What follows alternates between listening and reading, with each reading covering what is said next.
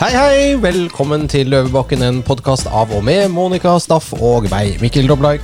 I ny og ne inviterer vi til fest her i Løvens hule på vår podkast i Frogner. Og da skal vi snakke om aktuelle og ikke så aktuelle saker, men denne gangen faktisk noe veldig aktuelt. Som annonsert så har vi fått eh, storslått besøk av en vassekte stortingsrepresentant fra Løvebakken. Han kommer fra Askøy utenfor Bergen, er sivilingeniør innen elkraft og industriell økonomi, som eh, har da forvillet seg ned til det blide Sørlandet som klimaflyktning. Han eh, var egentlig ikke opptatt av politikk, men for tre år siden så fikk han nok og av det vanstyret han opplevde, og meldte seg da inn i Frp Agder. Og på mirakuløst vis vant han også nominasjonen etter en opprivende nominasjonsprosess, og endte opp på Stortinget etter norgeshistoriens raskeste politiske karriere. Han er med andre ord absolutt ingen broiler, men en mann av folket, og vi skal selvfølgelig bli kjent med Marius Aron Nilsen. Men før vi skal prate med han, så er jo selvfølgelig min sidekick her, alltid veldressert, holdt jeg på å si, i Janel. Eh, Fraulein Monica Staff av Wiedersehen, good morning, hello, how are you? I'm fine, how are you? Very good, and you? Jeg, jeg hører det, du skravler i vei. Du, jeg har det fint. Det er um, jo um, deilig vær ute, og dagslys uh, 16 timer i døgnet. Nei, du, eh, januar er ganske stusslig måned, egentlig. Yep. Men når vi da plutselig får en kar som kommer fra Sørlandet, så blir, tenker man liksom på bølgeskvulp, på sol og sommer og Så jeg tok med litt hvitvin og reger, eller hva det heter nede på Sørlandet. Ja, Du har syv, sy- syvstartet sesongen. Ja, veldig, faktisk. Så en deilig liten Montrachet Ja. og reger. Ja. Er det sånn man sier det? Reger. Jeg vet reger Jeg Det er bare to ting som lukter reger. Og det ene er reger. Og det andre vet jeg ikke, faktisk, for jeg er i bedehuset. Ja. ja, nei, for det er noe i Kristiansand som heter Rægaklubben, i hvert fall. Regeklubben. Oi. Ikke racketklubben eller sånn, racketklubben. Nei, det har de i Bergen. Ja. ja, det er Kjegleklubben. Kjegleklubben. Ja. Nettopp. kan godt hende at Marius vet litt om den nå. Om Kjegleklubben? Mm -hmm. Han er jo fra Asker, så han er jo stril, så han har vel aldri fått lov til å komme til Bergen, antagelig. Ja, nei, det er sant, de De er, de er, fjernet broforbindelsen. ja, du vet, de er veldig fine i Bergen, ikke sant? Ja, det verste er De jo at De sier jo ikke hytta, de sier hytten. Hytten. Hva sier du, da? Du sier landsted, du, kanskje? Sted. Sted. Jeg Ja, du har et sted. sted. Jeg har et sted, Sted i Frankrike. Veldig bra. Nei, men fra spøk til alvor, Monica. Nå har vi fått uh, Løvebakken inn på Løvebakken her. Og uh, Marius uh, ja, skal jo da snakke om veldig aktuelle ting. Nemlig strømregningen din. Mm. Og min. Og alle andres. Og en del andre ting. Spennende. Spennende. Vi ehm, Ja, først så må vi jo takke da Lan Marie og MDG for at vi sitter her på langt på overtid, fordi mannen som kom fra stortingsgarasjen, fant ikke parkering på Frogner av en eller annen merkelig grunn. Eh, men i hvert fall, vi er alle opptatt av eh, Ikke så opptatt av korona som man skulle tro når man ser på nyheter og hører på nyheter, for det er jo ikke snakk om annet enn smittetall. Så tenker jeg at norske journalister burde være mye mer opptatt av strømregningen, eller altså prisen på strøm, som da er et resultat av at vi eksporterer strømmen vår for å hjelpe bl.a. tyskerne. Tyskerne. Ja. ja, det stemmer det. Jeg kan først si eh, hei og takk for at jeg fikk komme. Jeg setter jeg stor pris på. Eh, Jeg har hørt på, på podkasten deres, da, så det var hyggelig og ærefullt å bli spurt. Og ja, det er strøm som eh, opptar mesteparten av min eh, Min eh, dagsplan for tiden det er både husholdninger og, og næringsliv sliter, og det er som du sier, en kombinasjon av eh, det at vi eksporterer kraft eh, i stort mål, men òg det som jeg eh, karakteriserer som en hodeløs eh, energi- og klimapolitikk i Europa, som vi dessverre er blitt veldig tett integrert med, og eh, der, deretter importerer disse prisene tilbake. Så det er meget utfordrende og negativt for landet som helhet. Tror du vi kan gjøre noe med det? Kan man reversere noe av dette? Ja, vi må det. Og det, jeg hører de sier, jeg leste her rett før jeg kom, at eh, Tysklands, en statssekretær i Tyskland eh, ønsket ikke å reforhandle avtalene. Nei, det er for så vidt eh, forståelig, det, men det er, det er ikke bare opp til de. Og vi eksporterer da norsk olje og gass tilsvarende 7 TWh om dagen. all norsk vannkraft. Er 140-150 TWh årlig. Så den tyske den energien Tyskland og EU får fra norsk olje og gass, den bør òg uh, virke. Er det min? Telefonen din? Det er sikkert veldig viktig. Mm. Ja, jeg tar det ikke. Nei, det var de sørlandsbollene. Unnskyld. Ja. Ja. Nei, så, så, den energimengden vi eksporterer norsk, eh, med norsk olje og gass til Europa, det er jo noe de bør prise seg lykkelige over at vi gjør. For deres egen politikk, der de har lagt ned kjernekraftverk og de har lagt ned eh, variabel kraft, har ført de inn i en kraftkrise. Og det er ikke norske skattebetalere som skal betale for Tyskland og EUs selvpåførte krise. Så det, vi skal reforhandle de avtalene på et vis. Vi skal få en, en uh, form for uh, begrensning av eksporten når vannmagasinene når eh, et visst nivå. Eh, og vi, skal, vi er nødt til å ha Hele nasjonen vår er bygget opp på rimelig, eller god tilgang på rimelig og stabil kraft. Og det er vi nødt til å, å eh, fortsette med. For ellers så har vi ikke kraftkrevende industri og små, små og mellomstore bedrifter. Så vi er nødt til å få, få reforhandlet dette, og det, det, blir viktig å følge opp at regjeringen tar tak i. Så vi kommer med masse forslag der og kommer til å følge det tett. For du, du sitter i energi- og miljøkomiteen? Energi- og miljøkomiteen, ja. Nettopp. Det var bare sånn at, eh, til lytterne. Så det er derfor du kan dette, eller det var ditt du ville også? Ja, ja. ja det var førstevalget mitt. Dette var der du ville? Det er det jeg har utdannelse innen, og det er det jeg har jobbet med de siste årene. da. Ja. Så Jeg har jobbet som salgssjef i et teknologiselskap som drev med bl.a. fornybar energi.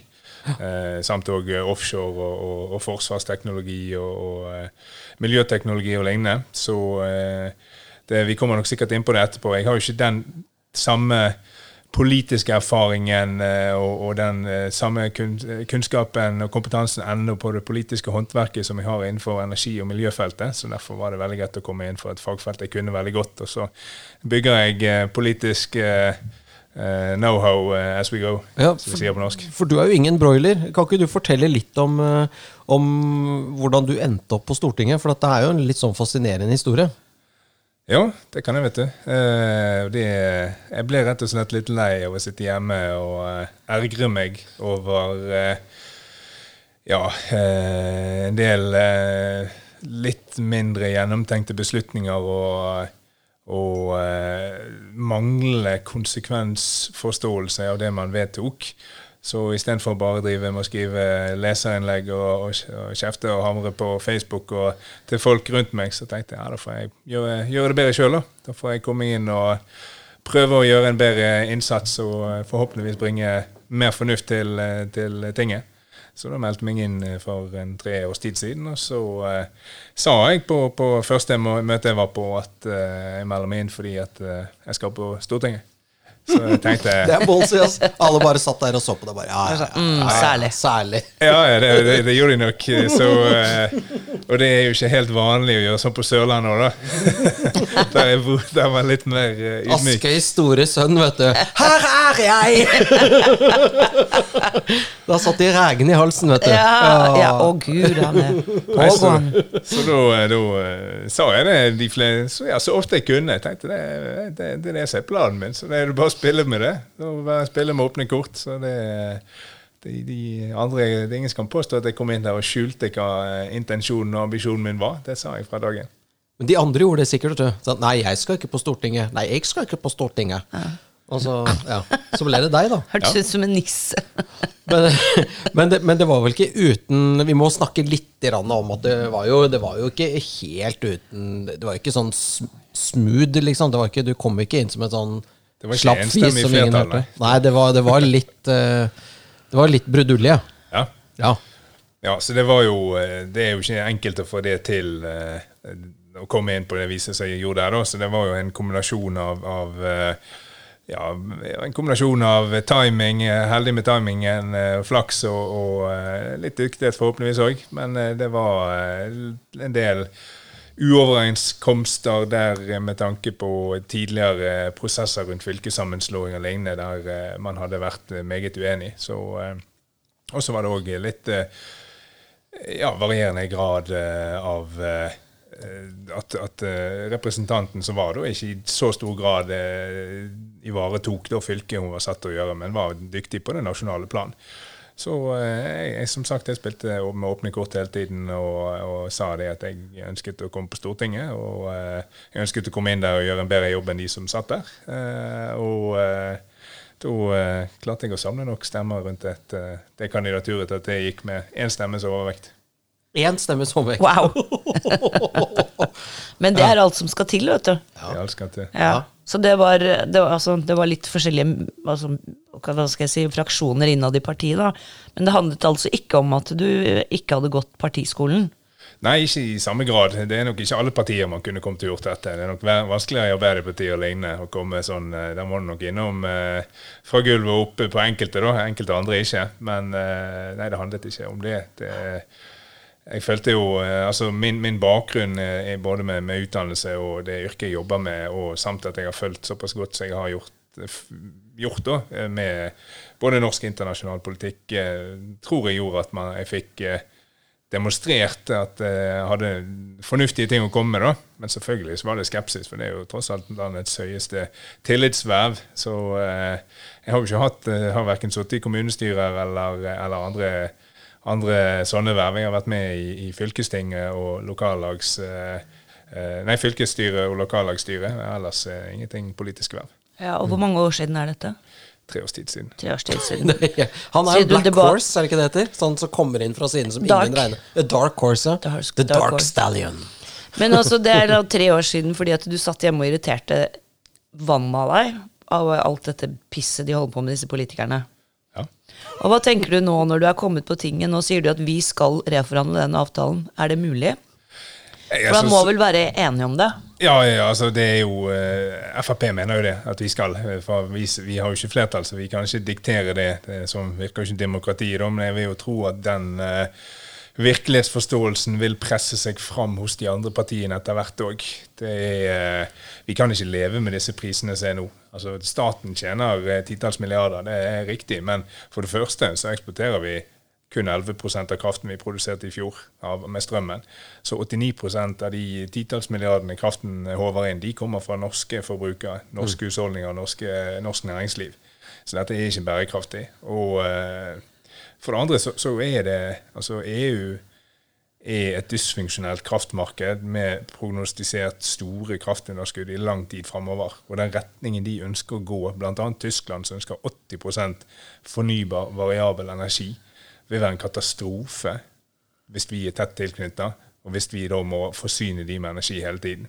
Vi er nødt til å få en måte, For alle, vi kan selge kraftoverskudd og tjene greie penger på det, men vi må få en, en, en ordning som gjør at vi ikke I tillegg importerer da prisnivået tilbake. Mm. Ja. Altså variabel eh, energi, er det vindmøller og sånn? Ja. Mm. Eller bare vindmøller? Sol og, Solcellepaneler. Og, ja. ja. Mm. De har noe i Tyskland som de kaller for dunkelblaute. Eh, som er når det er mørkt og det ikke blåser. Det er liksom krise, da. Eh, for da fungerer jo ikke solcellepanelene og ikke vindmøllene. Det er jo Og dunkelblaute, det er det Det har de, det har de bare godt av, meg. Det har de bare godt av, det er den der. Men tenk deg Tyskland som en sånn industrinasjon, da, som de produserer ting, da. Ikke, ikke bare biler, men det er jo en industrinasjon. og så må de da Altså Når du da ikke har kraft, så må du bare stenge fabrikker og sånn. Det er jo ganske sjuke greier, og vi begynner vel snart å oppleve dette her i Norge òg. Ja, vi vil jo det med det ja. prisnivået. For det har jo vært en av våre store konkurransefortrinn at vi har hatt billig strøm. Ja. Og at de faktisk valgte å bruke strømmen i landet til å bygge industri. Aluminiumsindustrien. Mm. Og alt dette her hadde jo ikke Vi hadde jo en podkast om dette. En av mm. våre første om eh, Birkeland og Mm. Eh, og Sam Eide. Sam Eide, Det var jo ikke vi, det var jo hun Ingvild Andals, Andalsvik. Andalsvik som ja. ville at vi skulle snakke om det. Mm. Og det er jo prakteksempelet på kraftsosialismen, eller at vi skjønte at vi måtte ha strømmen i Norge, da. Da, da, var det liksom Jeg vet ikke, da hadde liksom disse politikerne ja, Jeg vet ikke. Altså, du, du har jo sikkert sett den serien Lykkeland. Ja. Nei. Den burde du se. Den er faktisk dritbra. Og det handler jo om norske oljeeventyr og Ekofisk og, ikke sant, og hvordan da norske politikere med han Arne Rettedal i spissen, ordføreren i Stavanger, Arbeiderpartiet egentlig, klarte å få liksom ikke sant, alle oljerettighetene til å bli eid av den norske stat. Da var de jo flinke. Mm. Jens Evensen. Ja ja, som Ja, drakk den han derre der danske Ja, ja, handelsministeren under bordet. Ja, Nasjonens skygge. Nasjonens skygge. Christian, uh, Jens Christian Hauge. Ja. Men det, det var jo, hvis jeg kan skyte inn, det var jo i tider der folk forsto nasjonsbygging. Ja. Spesielt da, eh, altså tilbake på samme og Kristian Birkelands tid. For da forsto jo man det, at eh, den rimelige og fornybare, stabile kraftforsyningen som vi hadde i Norge, skulle komme nasjonen til gode. Og da driftige folk eh, og dyktige og kompetente folk brukte dette til å utvikle samfunnet. Og det er jo det vi skulle slå fra oss. Det konkurransefortrinnet der med lave kraftpriser. Det er, altså, vi har høyere kostnadsnivå i Norge enn Europa på at vi er et høykostland. og det er både energiintensivt å befolke, og det er òg dyrt å bo her. Så det er at vi er nødt til å bevare de konkurransefortrinnene vi kan, og det er rimelig kraft. Det er kjempeviktig.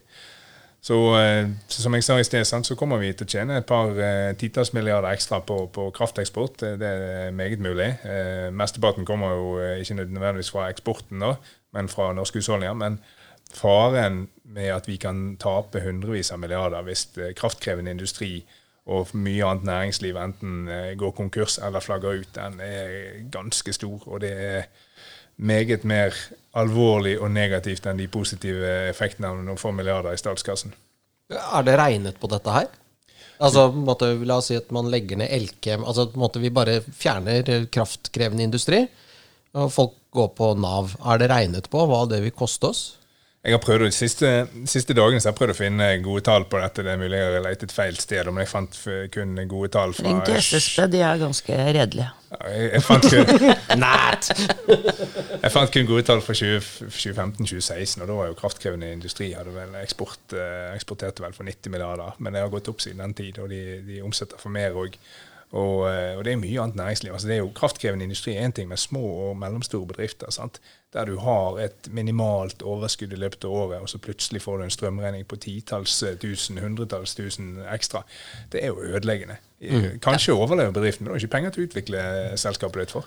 Nei, overskuddet blir borte. Det var jo snakk om en eller annen liten sak borte på Jæren hvor ja, 90 000 var helt avgjørende for om de, ikke sant, de hadde overskudd eller ikke. Da. Da fikk dere strømregningen, så var det kroken på døra. Jeg har noen venner som driver gartneri. Ja. og De fikk jo en regning på 950 000 i strøm i desember. Vanligvis er det rundt 300. Og det er, eh, det er på en måte det er, Du kan ikke holde på sånn veldig lenge, da. De er bare 30 ansatte, da, så det er jo ikke så stort. eh, Nei, Nei.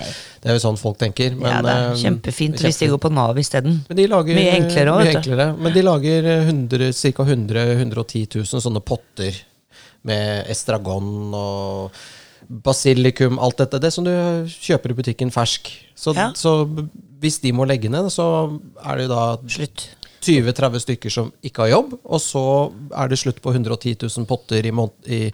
Det går sikkert bra, vi overlever uten fersk basilikum, bare, men altså det, det får en sånn knock-on-effekt. Da Det er jo ganske jævlig. Da begynner vi å importere det til mye høyere pris. Så blir det et luksusgode. Mange bøkker små blir til slutt en stor å. Det er jo det som gjelder så mye Ja. andre ting òg. Altså, det, det er jo mitt spørsmål, for jeg husker jo veldig godt når det skulle stemmes over dette ACER-greien, og der var jo Frp med og stemte for. Det må, det må jo nevnes. Slipper ikke Eh, unna så lett. Nei, men, men, Jeg tror jeg må altså, være fake news. bare. men selv en fireåring den gangen skjønte jo at dette var katastrofe. Og skjønte jo hva som ville bli konsekvensen. Men på Stortinget så har de liksom ikke skjønt det før nå. Det er jo ganske sånn skremmende at ikke de skjønte hva de drev med. Ja, og det er jo altså, energipolitikken klimapolitikken er en av eh, hovedgrunnene for at jeg ønsket å bli politisk aktiv. Eller for at jeg ble politisk aktiv. Men òg forholdet til EU. Den serviliteten en del politikere utviser med en gang de kommer på Stortinget, er enestående. Det at de ønsker å jobbe så mye for å komme seg opp i et viktig verv der man får makt, og så det første de gjør å gi all makten til, til Brussel, det er for meg uforståelig. Og det gjelder eh, absolutt eh, alle områder. Altså Jeg ser direktiv på direktiv bankes igjennom uten, uten at vi engang vet hva man voterer over, virker det som. Så eh, det er meget negativt. Vi satt i regjering og vi stemte for ACER. ACER har ikke grepet inn direkte i prisene per i dag i Norge. Så det, det ikke direkte en årsak til de høye strømprisene vi ser, men det er hele den tette integrasjonen med eh, europeiske kraftmarkedet. Altså Det som er prisdrivende i Europa nå, er jo den dyreste energiformen. Og det er per i dag eh, kull og, og gass. Eh, Så på ene viset så tjener vi masse penger på å eksportere gassen, men på andre vis så får vi òg skyhøye strømregninger. For I tillegg til at da er innsatsfaktoren med selve brenselet, så har du òg klimakvoter på toppen av dette. Og når vi da importerer prisnivået til Norge, så betaler vi da tilsvarende pris som forurensende kull og gass eh, på ren fornybar vannkraft i Norge. Det er fullstendig absurd.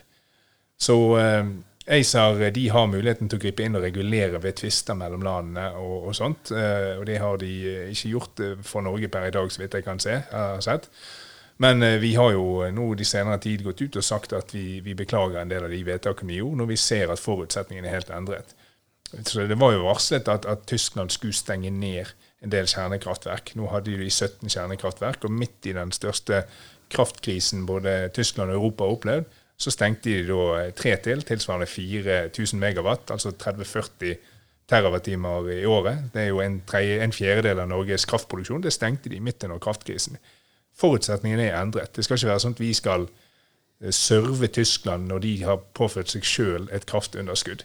Så eh, både utenlandskablene, som vi nå ser gjør at vi får en helt annen prisbilde i Norge, samt da tilknytningen til ACER, som er forløperen til EUs fjerde energipakke, som er da et monster. Eh, det, er, det, har vi vært ute og beklaget, og det jobber vi aktivt mot. Vi ser hvor viktig strøm- og kraftprisen er for Norge.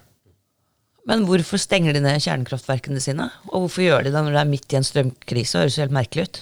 Ja, det var jo eh, Merkel som i panikk etter Fukushima-ulykken og i kombinasjon med, med, klima, eh, med, klimahysteri har eh, stengt ned kjernekraftverk. og det er jo, Du ser jo diskusjonen i Europa nå sant, som går på i forhold til EUs taksonomi bærekraftige finansieringsmodeller som går på det om eh, atomkraft og om gass og lignende skal være grønt eller ei. Vannkraft var jo en stund da oppe til debatt om det i det hele tatt skulle defineres som grønt. Det viser jo hvor absurd den diskusjonen er. Ja. Men dette har vi tilsluttet oss. Vi stemte imot i, i Stortinget for noen uker siden. Vi har tilsluttet oss disse, dette før egentlig alt av regler og premisser er ferdig lagt. Og det viser jo den holdningen Norge har til EU vi, vi dilter etter. Vi sitter ingen betingelser, og vi, vi, står ikke opp for egne interesser. Det er jo våre interesser å vite om, eh, om vannkraft blir definert som, som grønt eh, av høyeste klasse, eller hvor det havner i forhold til finansieringsbetingelser. Mm. Men det, det har jo ikke vi noe påvirkningsgrad her nå. Hadde vi i det minste avventet med å beslutte at vi skulle innføre det, så kunne vi sett hva de kom med, og hva det endelig landet på. Men der har Senterpartiet og Arbeiderpartiet eh, fått det igjennom med selvfølgelig støtte av Høyre for, for noen uker siden før jul. Yes. Men jeg tenker sånn eh, Er det et eller annet de tror du altså Det kan jo hende at du også er, blir sånn uh, tullekopp etter noen år. Det kan jo hende at de driver og pumper ut noe sånn i ventilasjonsanlegget på Stortinget, sånn derre idiotgass eller sånt noe? Eller uh, har du merket noe Idiotgass, faktisk. har, du, har du merket noe Har fått litt, litt lavere IQ, begynt med borrelåssko og crocs? Det, føler du at det har skjedd noe med allmenntilstanden din, eller går det bra? Enn så lenge. Enn så lenge så er jeg motstandsdyktig, men uh, skal aldri si aldri. Nei, det, de får heller definere det som et av disse her uh, berømmelige godene stortingsrepresentantene har, og så får de fjerne det i, i, i tråd med resterende som de ønsker å fjerne. Vet du hvor du bor, forresten? Jeg vet det. Du vet det? Du bor ikke i hybelen til Trond Giske? Nei, den var opptatt. Den var opptatt. Det finnes sikkert noen hybler man kan leie andre steder òg. Ja, ja, ja. helt, I Bergen. Ja, i Bergen, ja. Mm. Nei, men eh, for, dette, Vi har jo harselert litt med det. da Det som er gøy, er at du er jo helt ny, så du er på en måte et blankt ark som er i ferd med å bli eh, besudlet da, av, eh, av, disse korrumperte menneskene du arbeider sammen med. Nå bare tuller vi litt. Men, eh, men syns du regelverket er lett å forstå som helt ny stortingsrepresentant? Ja, jeg, jeg syns jo det er ganske imponerende at man klarer å misforstå det. Jeg er jo, eh, jeg må jo si det at de som klarer å misforstå det at du skal bo 40 km fra Stortinget for rett på pendlerleilighet, de har jo seg sjøl å takke for akkurat det. Så eh, ellers er jo det meste som, som i, i, vanlig næringsliv, reiseregning og lignende. Så, eh, så lenge man følger reglene som er lettfattelig, så, så, bør det ikke være noe problem. Så jeg har ikke enorm sympati med, med alle de som har som har kommet i trøbbel fordi de har misforstått uh, reglene for pendlerleilighet. Nei. Nei, for du kommer jo ja. Men hvorfor blir det ikke um, altså sånn som det ville vært vanlig i næringslivet, da, i en bedrift, så ville de jo blitt anmeldt av arbeidsgiver? For det er jo svindel. Ja, det er jo pågående prosesser her, så det håndterer vel både administrasjonen og presidentskapet. Så jeg har ikke voldsom innsikt der hva status er. Men, Men eh, tror du liksom at de kommer til å Altså, jeg vet faktisk ikke. Jeg har ikke, har du, til, har du tillit til prosessen? Ja, eh, ja, vi er nødt til det. altså. Vi er nødt til å, men jeg ser jo han, eh, han godeste eh, seremonimesteren. han, Stortingspresidenten er jo veldig uh, ut, høy og mørk og ute og, og, og sier at alt av goder skal gjennomgås, alt det, men det viktigste er jo å ta de som fjusker. Så jeg syns det blir litt feid fokus. Og, og da eh, stortingslønn er han ute og mener er for høy, men han sjøl har jo en, en lønn på det dobbelte av det stortingsrepresentanter har. Ja, Hva er det du får i lønn? Ni- 985 000. Men det hadde ikke du før da du var i det private. Men, men, men også um, Du må ikke si at stortingspresidenten er høy og mørk. Kan bli oh, ja, nå kom det Kan sånn være litt rasistisk. Ja, ok, greit. Ja, ja. Bare nevner Du ble arrestert nå. Woke men, eh, alarm. Det det, er faktisk, det er faktisk blitt sånn. ja, ikke ja, sant? ja. At det, Kanskje ikke her i studio her. nei, men ikke her, men jeg tenker på dette. Husker du? Det å være høy og mørk er jo faktisk litt sånn Casanova-greier. Det, det er jo egentlig positivt. Ja, hvis du er høy og mørk, så er du kul og Ja, det er jo liksom kjekk. Så, han, eh, så egentlig så er dette et kjempekompliment. Ja. Men eh, Men ja. øh, det som øh, Altså det kompetansen til disse som sitter på Stortinget. Men stortingslønn Han får nå 900 og Jeg tror det var 9 986. tror jeg. Men det tjente ikke du før du gikk på tinget? Nei, jeg hadde, jeg hadde en noenlunde samme fastlønn, altså, men jeg hadde jo bonusordninger, og, og jeg hadde jo òg eh, Så du har gått ned i lønn. Ja. Du tar en for laget. Du Ja. er en av de få Du er kanskje den eneste stortingsrepresentanten som faktisk ofrer noe for å sitte på tinget. Ja, det fins et par til. eh, Ja, et par og, til. eh, Av 169 så er det sikkert fire. Jeg vet en til. med Mahmouden eh, i Høyre han og vi hadde en diskusjon som jeg og han vi gikk begge litt ned eh, før vi kom inn. Så det er et Ja, par stykker. det er men de, respect. De, fleste går nok vesentlig opp, og jeg ser på dette som en form for, for samfunnsansvar. Så jeg, jeg måtte ikke nødvendigvis inn for å eh, fremheve egen person. Det er mer for å få ting gjort. Så det, Mm. dette er ikke nødvendigvis en livslang karriere for meg hvis jeg føler at tiden er bortkastet. Så jeg må for egen del se at det jeg eh, bruker tiden på nå, er, er matnyttig, at vi evner å gjøre en forskjell for, eh, for folket. Så du skal ikke klamre deg fast i tolv år. Nei, hvis jeg, hvis jeg gjør en eh, fornuftig jobb og jeg får til eh, forandring, så kan jeg fint eh, holde på med det i tolv år, men uh, i første omgang så, så ser jeg en periode om gangen, tenker jeg. Og så uh, Nå er jeg kommet i en meget spennende komité, og uh, man har et godt lag på, i, i partiet nå med stortingsgruppen. Så jeg, ja, nå syns jeg det er veldig givende og meget Vi får fram hvor skeivt disse strømprisene treffer. og denne strømstøtten som kommer, hvor, hvor lite den har virket. eh, og hvor, ja, hvordan folk som sitter der akkurat får økonomien til å gå rundt hver måned, sant? når du plutselig får en dobling av strømutgiftene, det er jo nok til å ødelegge husholdningsøkonomien for, for mange. Så akkurat nå så renner innboksen min ned med, med historier og både de, men òg tilbakemeldingen på at den jobben jeg gjør, den, den er verd noe. Fordi at man får satt eh, fokus på, eh, på galskapen. Da. Så Ja, og disse komiteene er tverrpolitiske, ikke sant? ja, alle partier sitter Ja, og de er representert i forhold til stortings... Altså, sp- fle- altså mandater og slikt. ja. Så hvordan er stemningen i komiteen? Fordi de som da sitter, det sitter jo mange der da, som tydeligvis har vært for dette opplegget. Ser de at det er galskap, eller prøver de å forsvare Altså det, det, de fleste andre partier har jo enn så lenge på Stortinget kun snakket om klima. Så eh, jeg syns jo at du, om du hadde sittet på Stortinget helt fram til nå strømkrisen virkelig materialiserte seg de siste ukene, eh, eller strømpriskrisen, eh, så kunne du hatt bind for øynene. Og så eh, uansett eh, hvem som eh, satt på talerstol, så kunne man tippet MDG. Men det kunne like gjerne vært det kunne like gjerne vært Høyre eller, eller Arbeiderpartiet og lignende, for det er kun klima det har gått på. Så det er jo det som er det store problemet. De andre partiene ønsker jo ikke nødvendigvis å gjøre noe med denne her eh, tette integrasjonen til Europa eh, og med eh, disse klimamålene vi har. For det, klima, dette er, så dette er det grønne skiftet og klimakuttene. Det kommer til å koste penger, og det kommer til å koste deg penger. Det kommer til å koste folk flest penger, både elektrifisering av sokkel, CO2-avgiftene som kommer, og alt av forbud og, og påbud. Alt dette kommer til å koste, og det er du som skal betale. Så det, det er jo det, De andre partiene er jo ikke så på ball på disse tingene, for det, det går jo da på akkord med klima, klimakuttene. Men de må jo føle det på kroppen selv, for de får vel også en strømregning, de folkene som sitter der? Ja, de som sitter på Stortinget? Ja, ja i fall, vi, vi, får jo det. De har jo flere boliger òg, som oftest. Masse hybler å betale. ja, ja. Stemmer det. Nei, altså, det, det går nå opp for en del folk, men samtidig så har de en uh, vi er jo egentlig for markedsliberalisme, så dette er jo litt sånn mot uh, FrPs ideologi, da. Men vi ser jo i større grad at den politikken som har vært ført, er uh, negativ med tanke på utviklingen av utviklingen i det europeiske kraftmarkedet. Og det gjør jo at vi ser at vi må ta rev i seilene og endre kursen. De andre partiene er ikke inne på den tankegangen i det hele tatt. De andre partiene ønsker mer av det vi gjør. De ønsker mer tettere integrasjon med EU. De ønsker uh, mer kostbar uh, klimapolitikk. De ønsker høyere avgifter. Du ser jo på drivstoffpriser og lignende nå. CO2-avgiften er gått opp. og Vi skal ha dobbelt så høy CO2-avgift som Europa. Vi skal jo legge på oss egne særavgifter som gjør det vanskeligere for næringslivet vårt og befolkningen. Og det ingen av de andre partiene tar inn over seg, er at Norge allerede er best i klassen. Vi har 98-99% fornybar kraft i kraftforsyningen vår. Vi har hele kraftmiksen når du tar med transport og, og alt vi bruker av, av, kraft i Norge. Så er vi på, eller på energimiksen så er vi på i underkant av 70% fornybart.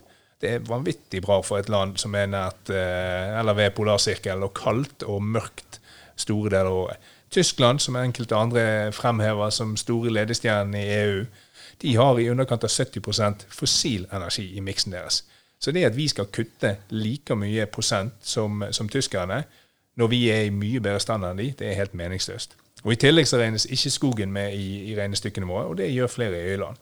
Så hadde vi regnet med skogen, så har eh, klimaministeren svart meg at da hadde vi trengt å kutte 25 og likevel eh, oppnådd 55 eh, %-målet. Oi. Så vi mener jo at altså vi må ta inn over det. De andre partiene som, som, påstår at det er en klimakrise og snakker om klimakutt og lignende, de, de, de taler med, med, to tunger. Fordi at den politikken de ønsker, den, eh, den vil jo ikke gi reduserte utslipp. Sant? Elektrifisering av sokkel det er å flytte utslippene til Europa, det er ikke å kutte utslippene i, eh, i verden. Det er marginalt. De har eh, fallet det høyere virkningsgrad på et stort gasskraftverk på land kontra mange små offshore, det er jeg enig i. Men du har transmisjonstap, og du har mange andre faktorer. Så det at man foreslår da å bruke vanvittig mange milliarder, og man skal kun flytte utslippene, ikke kutte de. Og det vil gi høyere strømregninger. Det vil, det vil kreve all kraftoverskudd vi har i dag. Så hvis man tror at de strømprisene og den kraftsituasjonen man har i dag, er ille, så er det bare å vente til alt dette her kommer samtidig eksport, eh, når eksportkablene går for fullt. Nå går ikke de for fullt engang. De er jo, England går jo for halv maskin, og Tyskland er mindre enn det igjen. Og, eh, og eh, når sokkel skal elektrifiseres og hele landet skal elektrifiseres med alt med busser og lignende, Lykke til med, med busser, elektriske busser i Finnmark og, eh, og, og Troms og lignende. Og man har kjørt elbil og sett, eh, sett uh, rekkevidden man får når det er kaldt og, og dårlige forhold. Så, så, dette henger ikke på greip. Og alle disse tiltakene de kommer med, det vil gi vanvittig lite klimakutt per krone. Hvorfor i alle verdens dager altså, hva, hva, er det som gjør at man liksom, for det første liksom, skal søkke opp til EU hele tiden? Og hvor, altså, hvor, de skjønner det ingenting. Altså, det har jo helt, vært altså, eh, tverrpolitisk enighet på Stortinget i tiår. Jeg, er jo, jeg syns jo EU, eller EF, pre-Maastricht-traktaten i 92, er en god idé. Når man hadde handel og toll. Og så blir det Ja, for det var det det var. Ja. Og så har det bare ballet på seg med masse ekstra greier. Så blir det det som man på på simpelt norsk kan kalle en somnolent mastodont. Eller en, eh, en eh, halvt svimeslått fossil, spør du meg. For det at EU er ikke en ledestjerne i internasjonal eh, økonomi. EU har hatt liten vekst i tiår. EU er kostbart, og EU har da planer om å kutte to milliarder tonn CO2 på de neste ti årene, halvparten av, av utslippene deres, mens kineserne har planer om å øke det samme. EU stikker kjepper i hjulene for seg sjøl, både med industri og for befolkningen. Og jeg har ve veldig liten tro på at det grønne skiftet og, og klimakuttene kommer til å bli gjennomført, og at befolkningen aksepterer det man ser nå utspiller seg, med skyhøye strømpriser og eh, mangel på kraft. Så ja. Hva kan vi gjøre med det, da? Vi som sitter og skal betale disse regningene? Nei.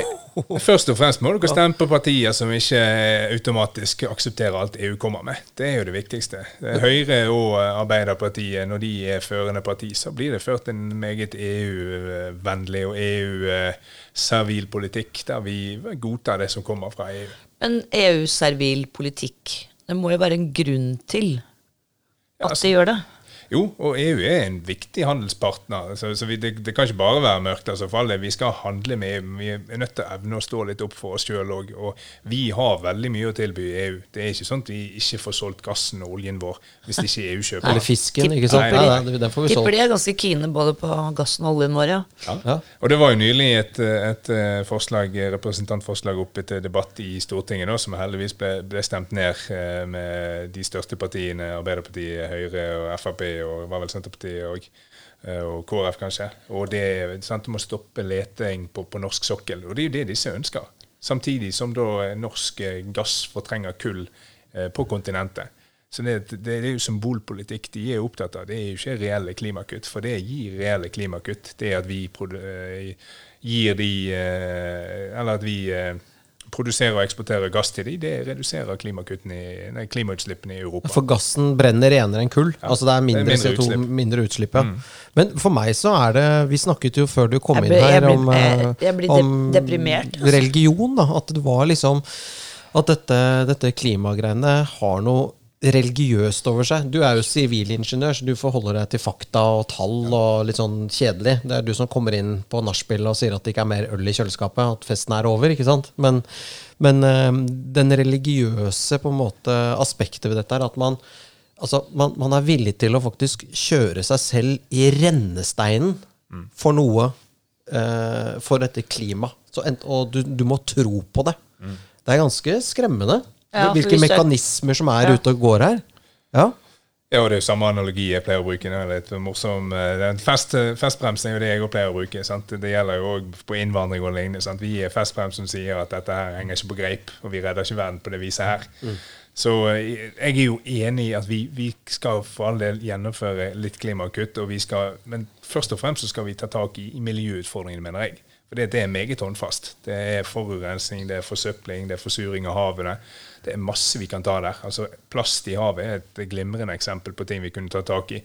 Det estimeres jo at, at plast i havet innen 2050 så er det mer plast enn fisk i havet. Sant? Det er et reelt håndfast problem der vi kunne brukt masse penger. Og når du òg snakker om klimautslipp, da, som en del av disse er meget opptatt av, så all, det, det forbrukes én million plastflasker per minutt globalt. Og majoriteten kastes. Det er nesten bare Norge Som panter. ja. nettopp å resirkulere og gjenvinne. Sant? Du, bør jo, du er nødt til å tenke litt bredere og tenke litt mer eh, helhetlig. Du, dette bør jo være en kombinert uh, alt fra bistand til, til klimapolitikk. Sant? Der man kunne eksportert teknologi som hadde hjulpet disse landene til å gjennomføre eh, innført resirkulering og gjenvinning. For det er én million plastflasker hvert, Hvert minutt. minutt? Det er 500 milliarder i året. Og det er da 20 ganger Norges totale klimautslipp bare for å produsere plastflasker. Hvor, det, hvor mye øker verdens befolkning med hver dag? Hver dag da er det 200 000 Ikke mennesker. Dette er en stortingspolitiker som vet det. 200 000, ja. Hver dag så øker det med 200 000. Ja, og alle de skal jo også drikke plastflasker og Ja, de skal ha energi òg. De skal ha energi. Ja, ja. Ja. Og det, ja, for nå har vi satt av en time, så det er 8000 mennesker øker verdens befolkning med på den timen vi sitter her. Sivilingeniør, vet du. Ja. Bare regnet ut. Det er ikke det litt deilig? At det, det er jo håp, da. At vi har Popper Ja. ut barn i ett banka kjør. ja. Er det sånn at dere på Stortinget At det er en sånn liten klubb for, for eh, realitetsorienterte stortingspolitikere? Den er nok Sånn- veldig liten, Mikkel. Den Ja, klubben. du kanskje kan møtes i et bøttekott, men altså, er den der? Finns, er det noen like menn og kvinner å prate med? Ja, det begynner å komme litt uh, mer sånn. Men det har vært meget hektisk. da. Det har vært mye å sette seg inn i for, for min del. Og, og, så, så jeg har ikke hatt så mye tid til det. Men uh, man har begynt å snakke litt med, på, på tvers av partilinjene med litt likesinnede så, eh, som tenker eh, tenker de samme tanker. Du så jo til og med enkelte i Høyre var jo ute nå og ytret eh, motforestillinger mot elektrifiseringen av sokkelen. Oi! Wow. Hvem, hvem var det? Det var han godeste Bård Ludvig Thorheim, var det vel, fra Nordland, hvis jeg husker riktig. Han våknet, da. Ja. Ja, så bra. Ja. Og Opprinnelig var jo eh, både Frp og Høyre imot det. Det var jo opposisjonen i Stortinget med flertall med resten av partiene som tvang Høyre og Frp til å begynne å elektrifisere oljeplattformer. Men tror du, det, tror du det faktisk kommer til å skje? For det er jo sinnssykt prosjekt. Nei, og det, Det er sint, Ja, men det er jo det. sinnssykt. Det er rette så- det er uttrykk å bruke. Ja. Det er sinnssykt. Ja, det er helt megalomant. Og det er bare sånn Ja. tenker jeg, De må jo bare skjønne at stopp. Ja. det er jo uh, Ja, jeg er ikke uenig. Altså, en ting, vi, vi, Enten så må vi være ærlige og si at vi gjør dette. Vi vet at det ikke har en klimaeffekt. Eh, men vi gjør det fordi vi skal grønnvaske oljen, og vi skal kunne tjene penger på oljen i lang tid framover med god, eh, god samvittighet. Jeg kjøper det argumentet der. Det ytres ikke høyt. Det er sikkert jeg en av de første som har sagt det høyt eh, nå, men det er jo ett rasjonale. Men da kan ikke det gå utover befolkningen, og da kan ikke det være da, da skal det ikke bekostes og gå på bekostning av annen industri og annen kraftkrevende industri og lignende. Men det andre poenget der med at man gjør det fordi at det skal kutte klimautslipp, det er bare tull. Det, det kommer til å kutte klimautslipp i oljesektoren, så de blir kvitt et problem. Og vi har da vedtatt at skal, ja, man skal ha disse klimakuttene i Norge, men det er da selvpåførte kostnader i 100 milliard, milliardersklassen, og det er da vesentlig konkurranseulempe. CO2-avgift som er skyhøy, og hvor, man ikke gir unntak, som man gjør i EU. Vanligvis følger man etter EU på alt, men ikke når det gjelder å regne med skog, og ikke når det gjelder å gi unntak på, på CO2-avgift for enkelte som ikke kan bruke annet, eh, annen eh, oppvarming og, og eh, produksjonsinnsatsfaktor. Så Figgjo porselensfabrikk sant? de får ikke unntak fra CO2-avgiften. Det, de, det får de i EU på tilsvarende fabrikker. Så Nei, det, vi, vi prøver alt vi kan inne på Stortinget til realitet og realitetsorientering. Jeg har eh, mang et innlegg fra Stortingets talerstol der jeg kaller eh, det ja, det, det, det er det. Som du sier, religion og, og eh, hellig ku og, og lignende. Altså, det er jo det, det de er for alle. Til, til og med nå, i pris, eh, kri, priskrisen opp med strøm, så er de begynt å dra inn eh, Ja, vi, vi skal gjøre disse strømstøttetiltakene, så lenge ikke det går på bekostning av klimamålene. Mm. Så klima, klima, klima. Uh, men jeg bare tenker på Marius, du, du er jo helt fersk stortingsrepresentant. Kan ikke bare, Alle husker jo første skoledag. Kan ikke du bare ta oss igjennom hvordan var dette her å komme på Stortinget? Bare sånn, det er jo litt gøy å høre, er det ikke det? Eller har vi, Nei, jeg bare vi har tid, vi? Ja, Prat, ja, ditt ja. fjols. Ja. Jeg, tror, jeg tror hun ble oppgitt over det jeg sier om klima. Ja, Det, ja. er- er, derfor, det er derfor vi skifter, for at nå synker hun ned i Jeg var ganske sur når jeg kom hit i dag, og jeg Ja. har ikke blitt noe blidere av dette her. Så da tar vi første dag på Stortinget. ikke sant? Får du en, får du en liten presang, får du et slips. Eh, er, det, er det noen som tar deg ja, imot? Han får den der, den der bærekraftnålen fra FN. Ja.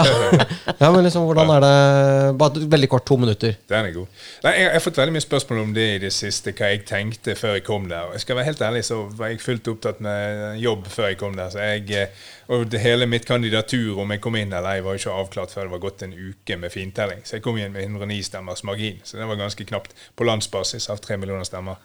Eh, men når først kom, man kommer inn der, da, så uh, får man utdelt uh, enten ryggsekk eller PC-bag og, og PC og telefon og midlertidig kontor. Det er, det er egentlig ganske stillstand de første ukene, fordi at du har ikke blitt tildelt komité. og fra oss som er fersk, så er, aner ikke vi hva som, hva som skjer og hvordan ting virker. Så det gikk eh, Bare gå rundt og ja, jeg gikk rundt og soste og gå, gå vill i de der underjordiske gangene mang en gang. Jeg måtte ha eh, flere ganger jeg måtte spørre om hjelp til å finne fram til garasjen og Det er en liten myriade av tunneler under der.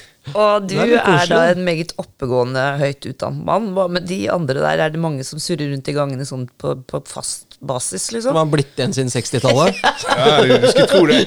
Selv, selv om jeg er er enig i den beskrivelsen der, så skal ikke jeg skryte på meg veldig god retningssans.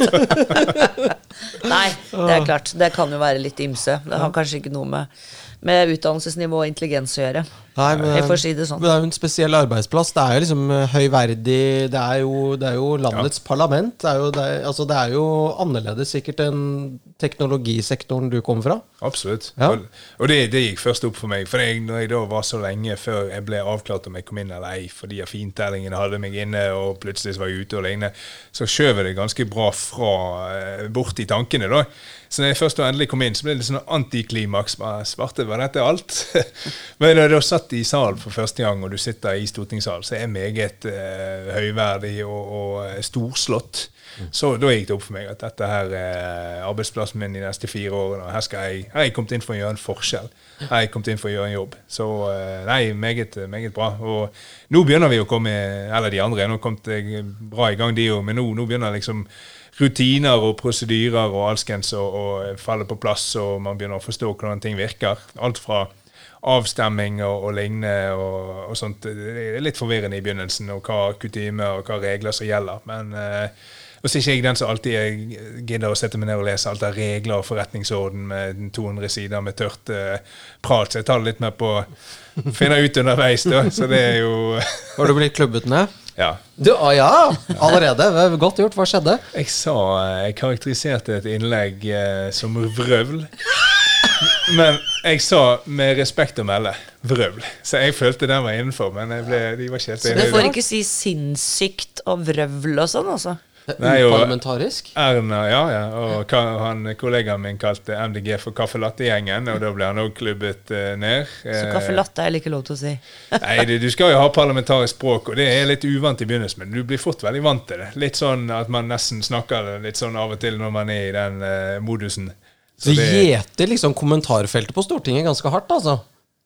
Hvis du du- skjønner hva jeg mener? Altså, Ja. Det er sånn bang, bang. ja, Ja, ja, ja, ja. ja. Så du, du, når du kommer hjem eh, til eh, kone og barn, så eh, driver du med parlamentarisk språk, så de skjønner ikke hva du sier lenger? Du Kunne de sånn være så vennlige og sånn? Nei, jeg, jeg prøver å legge det av meg når jeg kommer inn. Det, eh, de, jeg prøver å skille den eh, jobb og privatliv, selv om det er jo en, en jobb som fint kan være 24 timer i døgnet hvis man ønsker. Ja. Et lite sånn sidespor når det gjelder eh, respekt for embetet, holdt jeg på å si, og dette her med par parlamentarisk språk. Hva med klesdrakt? Hva, hva syns du? Er det noe Er det høyt nivå der? Er Veldig varierende. Og så har jeg sjøl brutt det en gang fordi at uh, jeg kom seint til et møte og rakk ikke å gå innom eh, Jeg pleier å gå ned i, i dressbukse og så en, en T-skjorte og en genser, da, og så skifter jeg til dress på kontoret. For jeg syns det er ubehagelig å gå i dress og du blir skitten og alt, så jeg skifter alltid der. Og jeg rakk rett og slett ikke innom kontoret før stortingssesjonen, så da gikk jeg inn eh, med genser, da, og det er jo strengt tatt ikke lov. Men du ser jo dongeribukser, og du ser jo veldig varierende grad av bekledning der inne. Jeg syns jo man, man skal kle seg etter eh, etter eh, statusen det, det vervet skal ha. Så jeg syns jo fint man enkelte kan ha litt høyere eh, standard på klesdrakten. Men eh, for all del, så lenge det er innenfor reglementet, så er det greit nok. Men jeg sjøl velger Jeg stiller i, i dress når dress uten slips som oftest hvis jeg ikke skal på talerstolen, og dress med slips når jeg skal på talerstolen. Ja. Men det har jo klær skaper mennesker, eller også Hva for noe? Sitt- folk. folk og situasjonen, på en måte. Altså, Ja, dette Ja. har jo vi snakket om i en eh, ja, vi må jo begynne å lage sånn derre Hva heter det for noe? Så, Motepodkast. motepod. Ja, vi snakker ikke om Nei, for mote er jo noe helt annet. Nå snakker vi om å kle seg for anledningen eller etter embetet. ikke sant? Mm. Så det at når du skal i en begravelse, så kler du deg sort. Det er av respekt for de familien Mm. Ja, det er og de etterlatte, og for den avdøde. Ja. Og det om- samme med bryllup. ikke sant? Og da tenker jeg også at hvis man f.eks. som statsråd da kler seg pent Jeg ser hun som jeg sikkert har skrytt av en gang før, Trettebergstuen. Hun kler seg pent. Hun kler seg Emilie Enger Mehl kler seg pent. ja.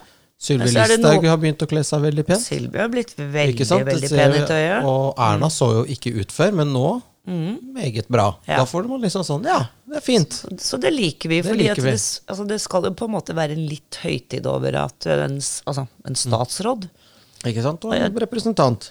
Jeg tenker at for ens egen del så får man strammet seg litt opp hvis man tar på seg noen ordentlige klær.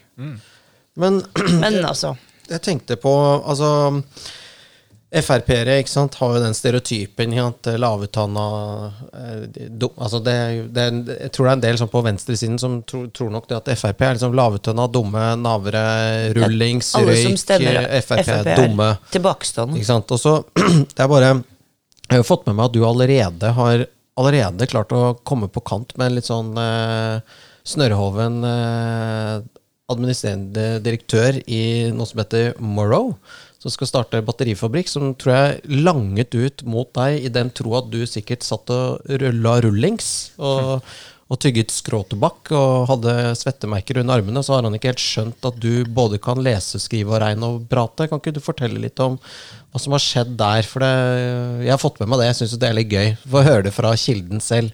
Ja, Hva er Morrow, og hva skjer?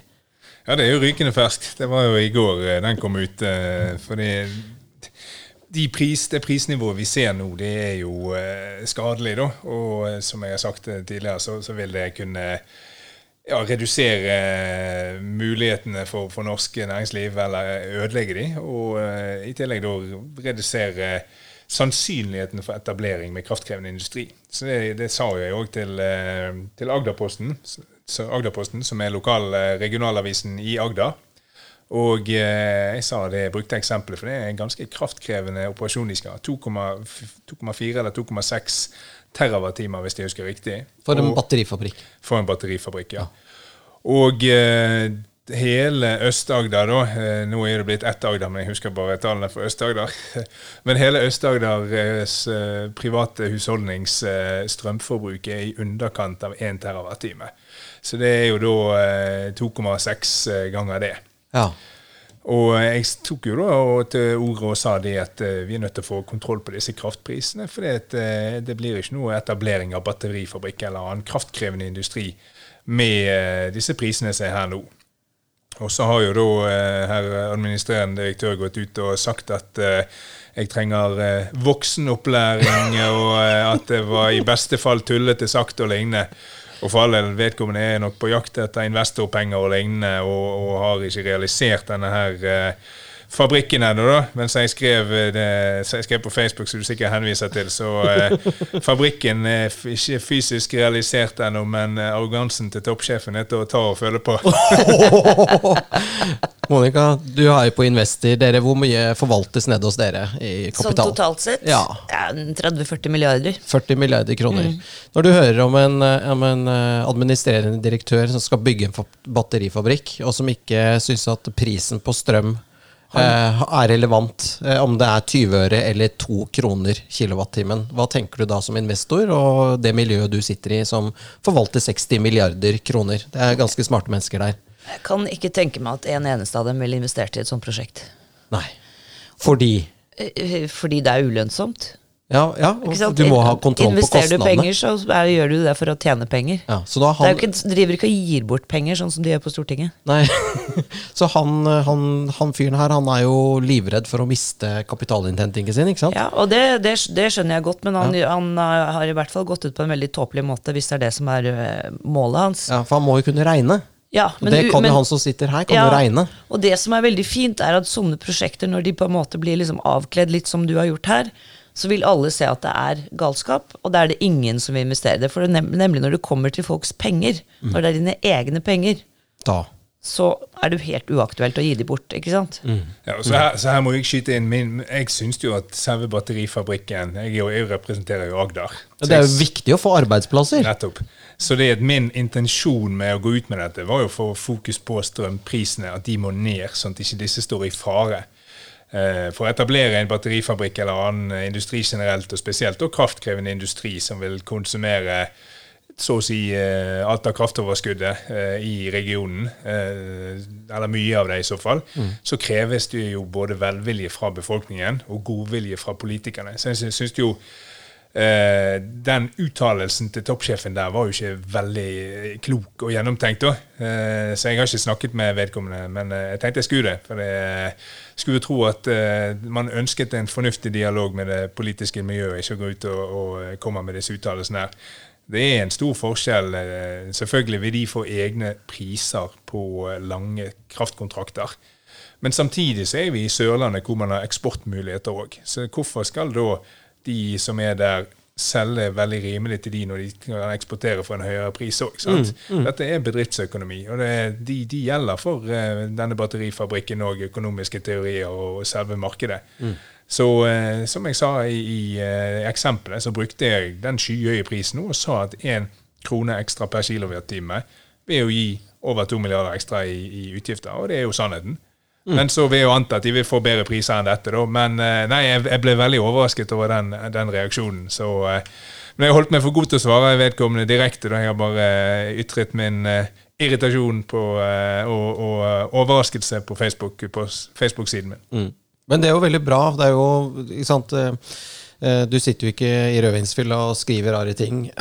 Og du reiser ikke til eh, Baltikum på klubber og sånne ting. Du er jo en av de Du er jo, du er jo på en måte atypisk. Syns jeg det er dårlig gjort å henge ut Bård for det der. Nei, men jeg bare sier at du er jo atypisk som Frp-politiker. De må jo være veldig glad for å ha fått deg på tinget. Jeg har blitt tatt veldig godt imot da, Ja. og har fått veldig mye gode tilbakemeldinger. Og så Ja. syns jeg ikke helt den beskrivelsen passer så godt da, for på resten av gjengen. Nei, jeg bare tuller med det. Vi er litt sånn spisse her, da, vet du. Ja, nei, for jeg syns ja. vi har en god, eh, god gjeng, en dyktig gruppe, og uh, vi har alle muligheter for å gjøre det bra hvis vi bare får, uh, får fram uh, de, de viktigste sakene våre og evner å ta en, en posisjon som det ledende opposisjonspartiet. For det er det vi bør være. Ja, og du kan si at når dere satt i regjering med, med Høyre, så uh, syns jeg at det var veldig, veldig bra nivå på det dere leverte inn av statsråder til den regjeringen. Og eh, så når vi snakker om nivå, ikke sant, når du ser på hva slags nivå det er på statsrådene i denne re sittende regjering, så må jeg si at det, det er helt sikkert mange, mange, mange flinke folk i Frp. Ja. Ja, Men altså, de kommer er en ny generasjon tilbakestående, opp, men flinke, da, på en måte. Nei, jeg er jo mer den karikerte greia. Det var det jeg skulle frem til. Da, på en måte Ja. at, eh, at, eh, at man har fått et sånt ufortjent rykte på seg. Ja, ja, Ja, men det er jo den, den eh, Altså det at man påstår den eh, korrelasjonen med høy eh, akademisk utdannelse, at det nødvendigvis eh, samsvarer med en eh, høy grad av verdensforståelse og eh, virkelighetsforståelse, den, den er jeg ikke enig i. For det viser jo disse partiene gang på gang. Spesielt de som har eh, høyest andel av, av eh, de som stemmer på de med en, en høy akadem, akademisk utdannelse. Eh, så jeg eh, pleier å si min eh, en hypotesen her, så eh, så det er som oftest de som, som kan minst og, eh, og mener mest, som, som ytrer seg mest. Altså Fornuftige folk i stor grad er veldig lite veldig Altfor sjelden tar eh, til orde i offentligheten, fordi at det er krevende og vanskelig å slippe til. og det er en, De gidder rett og slett ikke. Mm. Holde på med sitt. Nei, Litt du, sånn som blir du jo, var. du blir jo slått hardt ned på også. Ja. Men uh, har du drukket mye kaffe med Sylvi? Ja, det hender det òg. Ja, ja. Så du kjente ikke henne fra før? Nei. Nei.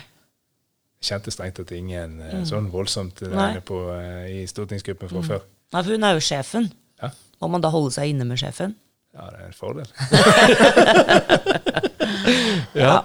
Så Nei, bra. eh, det, hun er eh, en meget redelig politiker. Eh, Vi har vel eh, Ja, det en time går fort, eh, Marius. Er det noe du har liksom Er det noe du har lyst til å eh, Hva er det for noe? Eh, Entre ut på eteren eh, før vi stenger sjappa og spiser ferdig sørlandsbollene våre? Du har vel Er spist ferdig din for lenge Jeg, jeg er jo så sulten, jeg, så jeg måtte bare spise sørlandsbollen. Den har jo sånn krem inni seg. Mm, ja. Ja, jeg kan, eh, kan gjerne avslutte med noen ord. Og det er jo Altså, de, de, de, den situasjonen vi ser nå, det er jo uholdbart. Og det bør vi være meget samstemte om som samfunn, egentlig. For det at vårt samfunn er bygget på den tilgangen på ren og rimelig eh, kraft. Så, så det er en forutsetning for både bo og virke og, og drive masse næringsvirksomhet i Norge. Så det er viktig å se på, på hva Ikke bare Altså Historikken har jo vi òg gjort enkelte ting som vi ser er negative nå, men se det, man, helhetsbildet og helhetspolitikken man nå fremfører. For det det å stemme på en del av de andre partiene vil jo bare bety mer og tettere integrasjon med EU og mer og tettere eh, integrasjon i forhold til klimapolitikk, og da dyrere strømpriser, dyrere drivstoff og lignende. Så det er ikke riktig vei å gå. Så jeg vil jo oppfordre folk til å sette seg inn i, i hva de andre partiene står for helhetsmessig, og se på det vi sier og det vi mener nå, og uh, ta inn over seg det at vi har endret standpunkter på en del punkter, en del uh, områder siden vi satt i regjering. Og Hvis du da er enig med det vi, vi står for, så er det viktig at man, man både ytrer det og støtter opp under det. For ellers blir det ingen forandring. Har man uh, Arbeiderpartiet og Høyre, part- Høyre som, som de desidert største partiene, så blir det tettere tilknytning til Europa og tettere tilknytning til alskens eh, mer og mindre gjennomtenkte saker som kommer fra EU. Det er rart. Så det spiller nesten ingen rolle hva du stemmer. Altså, at det er på en måte Nei, men folk, altså Ja, altså, men det er det, altså, Arbeiderpartiet og Høyre er liksom, de er liksom på hver sin side, men de er egentlig ganske samkjørte, da. Det er det. Ja, mange år. Og Og så er er det liksom korsere å stemme på det, ikke sant? For det er det liksom er innafor. Ja, det, det er liksom PK. Tro, ja, tror du dette løser seg? Tror du vi får kraftpriser ned Nå så jeg Tror du avtalen avisen kommer til å bli reforhandlet? Ja. Jeg så jo som sagt at uh, de tyskerne sa at de ikke ønsket det, men vi er nødt til å Altså, dette er jo Det kan ikke være sånn at vi er bundet på hender og føtter av EU og EØS på alskens. Da har vi avgitt altfor mye makt. Da må vi evne å Eller begynne prosessen med å kunne ta litt tilbake. For alle, Vi skal ha handel og toll, men vi skal ikke, ha, vi skal ikke styres fra Brussel. Og det er viktig å få fram. Dette har du troen på at du skal få til? Jeg skal så få jobbe for det. Jeg kan ikke garantere at jeg får det til, men det er en av de viktige sakene jeg vil jobbe for. For det er kjempeviktig. Og det er det, det, altså det at dette Kanskje det er et forbigående øh, situasjon som varer nå noen få måneder, men, men med tanke på det geopolitiske området òg. Man har jo gjort seg avhengig av gass fra Russland. Man har jo ikke geopolitisk strategisk tenkning bak disse, disse beslutningene heller. Så man har eh, skutt seg sjøl i foten. Og jeg syns ikke det er fornuftig at vi skal følge etter blindt eh, et, eh, en union som, som bedriver slik politikk. Så vi må jobbe for å få eh, korrigert det. Mm. Helt på tampen, Monica. Jeg bare hørte på en sånn tale han hadde i Stortinget. Er det spørretimen det heter? Ja. Du hadde jo betalt strømregningen til en del mennesker, du. ja, det stemmer. Eh, hvorfor gjorde du det? Fordi at jeg er ikke en sånn fullblods og hardbarka politiker ennå. At jeg ikke lot det gå inn på meg, alle de meldingene jeg fikk. Ja. For vi foreslo jo som en umiddelbar støtte til folk at de skulle få 4000 eh, kroner hver for hver husholdning. Og så ble jeg var jo i Dagsnytt 18 på, med det òg, og der ble jeg eh, utfordra på om eh, ja, hva hvis vi da ga 4000 per husholdning til hva med de rike som ikke trengte det, som fikk det. Men det er jo det minste problemet. Det er alle de som trengte det, som ikke fikk det. ja. Så jeg, den kom ikke på der og da. Jeg kom på den i etterkant. Så der sa jeg at eh, da fikk de gi det vekk til noen andre, da. Men eh, vi fikk jo ikke gjennom det, og det kom jo ingenting eh, ja, fornuftig som, som hjalp før jul. Og så mange gikk inn i, eh, i juleferien med bunnskrapt kasse. Så da tok jeg og postet en film på, på Facebook der jeg tilbød meg å betale strømregningen for enkelte, da, opptil 4000 kroner som vi hadde fått, eller som vi hadde foreslått. Og så ga jeg da fra 500 til, 500 til flere, og så var det så mange som spurte, så jeg ga 300. Og så endte det til slutt med at jeg eh, ja, ga i underkant av 10 000 kroner til folk og fe. Så uh, hjelpe litt. Liten hjalp bitte litt, men det burde vært staten som gjorde det. Enig. Syns dette er en ganske fin måte å avslutte på. Monica, er det jeg vil si, folk flest, mann av folket? Vanlige folk. Ja. FrPs nye Wonderboy. Yes. Yes. Da vet ikke hvem vi skal intervjue neste uke. Jo, det blir det. Er det Elin? Elin Ørjasæter. Elin Ørjasæter kommer, ja. Det er du som har fiksa det. Dere sitter og pimper litt sånn uh, absint uh, på kvelden og sånn, eller? Ja, masse. Hver kveld. Nei da. Uh, ja, Elin Ørjasæter kommer. Det blir spennende. Yes. Ha det bra. Ha det. Takk for nå. Tjo!